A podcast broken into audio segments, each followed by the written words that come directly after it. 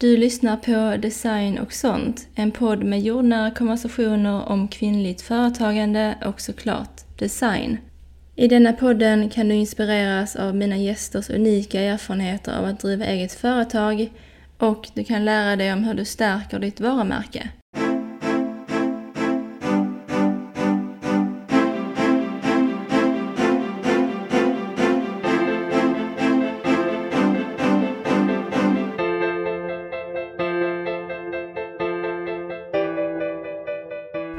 Hej!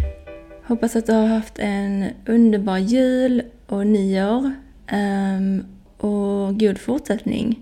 Jag är tillbaka med podden, vilket känns så kul.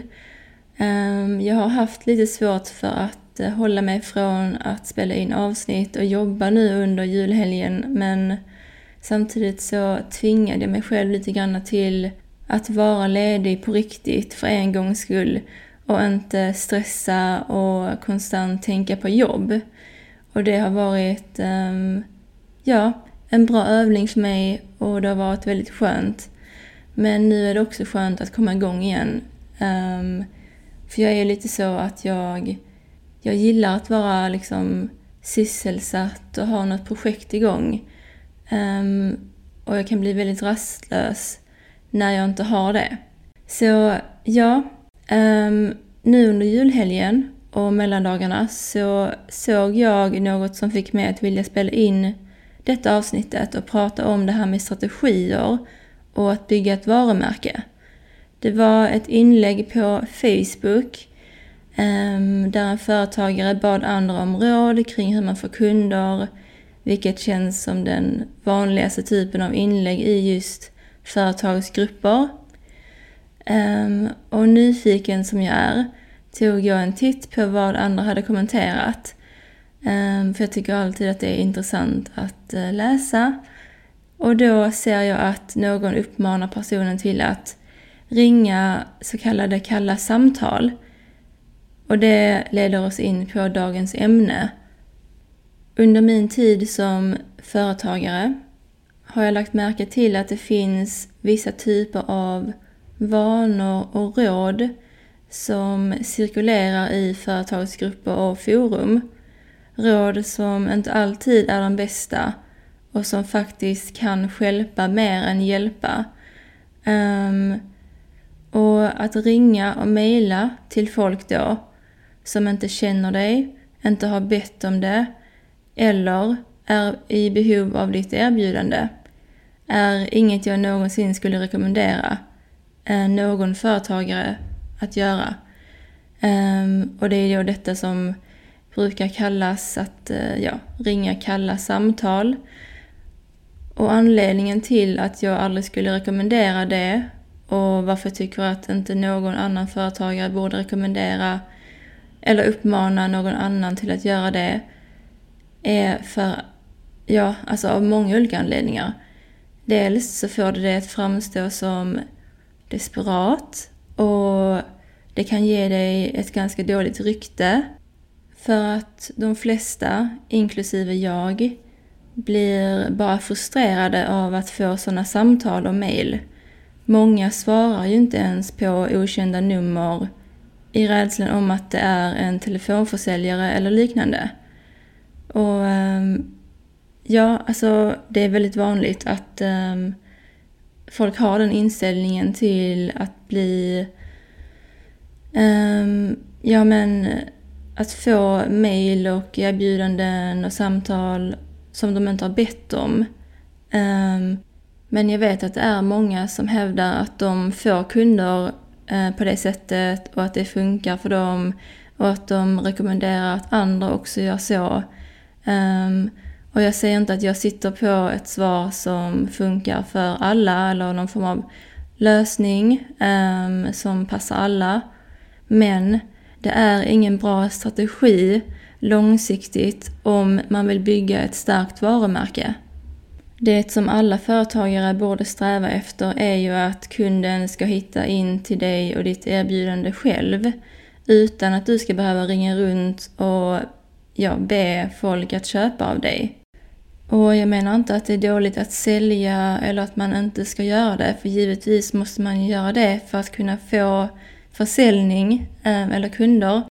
Men det finns väldigt många olika sätt att sälja på ehm, som inte behöver vara att man ringer runt till folk och som inte får en att framstå som jobbig eller desperat.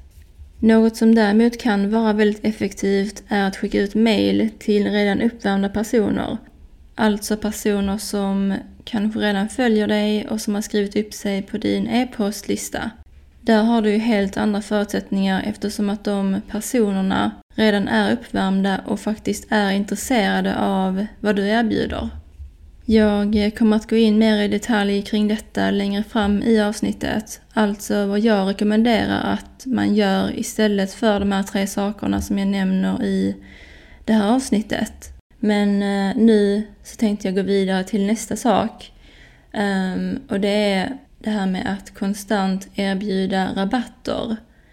Ehm, för det är någonting som jag ser väldigt ofta att företagare, väldigt ofta kvinnliga företagare gör eh, för att få försäljning och få kunder. Ehm, och alltså givetvis är det inget fel med att erbjuda rabatter då och då. Men det blir ett problem när man konstant gör det för att få folk att köpa. Alltså när det blir lite som en strategi eller en avgörande sak. Um, och det associeras ju ofta med lågpris, varuhus och varumärken. Och alltså det ger generellt ett ganska billigt och lite desperat intryck. Du vet den här typen av eh, butiker och kedjor som nästan alltid har 30 eller 50 procents rabatt eller total utförsäljning. Alltså så vill vi inte uppfattas och det gör man ju lite grann när man konstant erbjuder rabatter. Det blir liksom, ja, desperat och du ska ju inte behöva ge din drömkund halva priset för att den ska vilja köpa det du erbjuder. Och om du känner att du måste göra det, så attraherar du helt ärligt nog fel typ av målgrupp. Kom ihåg att vara billigast är inte alltid något att sträva efter. Generellt så associerar vi låga priser med lägre kvalitet, eh, vilket är värt att eh, tänka på. Nästa sak som jag vill ta upp är det här med follow for follow, som det kallas. Eh, alltså när man ja, erbjuder att följa tillbaka om de följer dig. Vilket inte är ett bra sätt att bygga en lojal följarskara på. Um, det kan också förvirra algoritmen om det är konton som ja, inte ingår i din målgrupp eller är de som du vill nå ut till. Alltså de som är intresserade av det du delar och har att erbjuda ska vilja följa dig utan att du behöver locka med en så kallad follow for follow.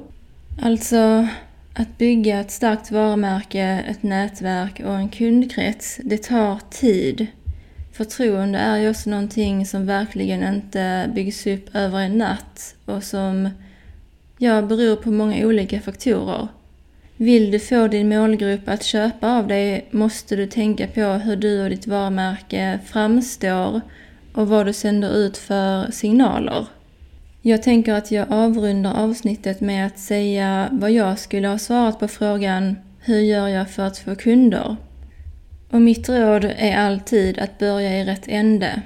Se till att du har en stabil grund, att du har en genomtänkt strategi på plats och att du har klart för dig vad som gör ditt varumärke och erbjudande unikt. Detta bör alltid vara prio ett Eh, innan du lägger massa pengar på marknadsföring, en hemsida, programvaror och material så måste grunden vara på plats. Därefter handlar det om att vara konsekvent, finnas och synas där din målgrupp och drömkund är och befinner sig och jobba på att få deras förtroende. Du måste få dem att se dig som en expert inom ditt område och förmedla din lösning på deras problem eller behov. Och du måste interagera med dem och ge dem anledningar till att vilja följa dig. Ett bra sätt att göra detta på är att ge dem värde i form av utbildning, inspiration, tips, råd och att dela med dig av dina unika eh, erfarenheter, din kunskap och syn på saker. Um, som du hör skulle jag kunna prata om detta i en evighet, men då hade du nog blivit trött på mig. Ehm, men jag hoppas i alla fall att du förstår poängen och vad jag vill få fram.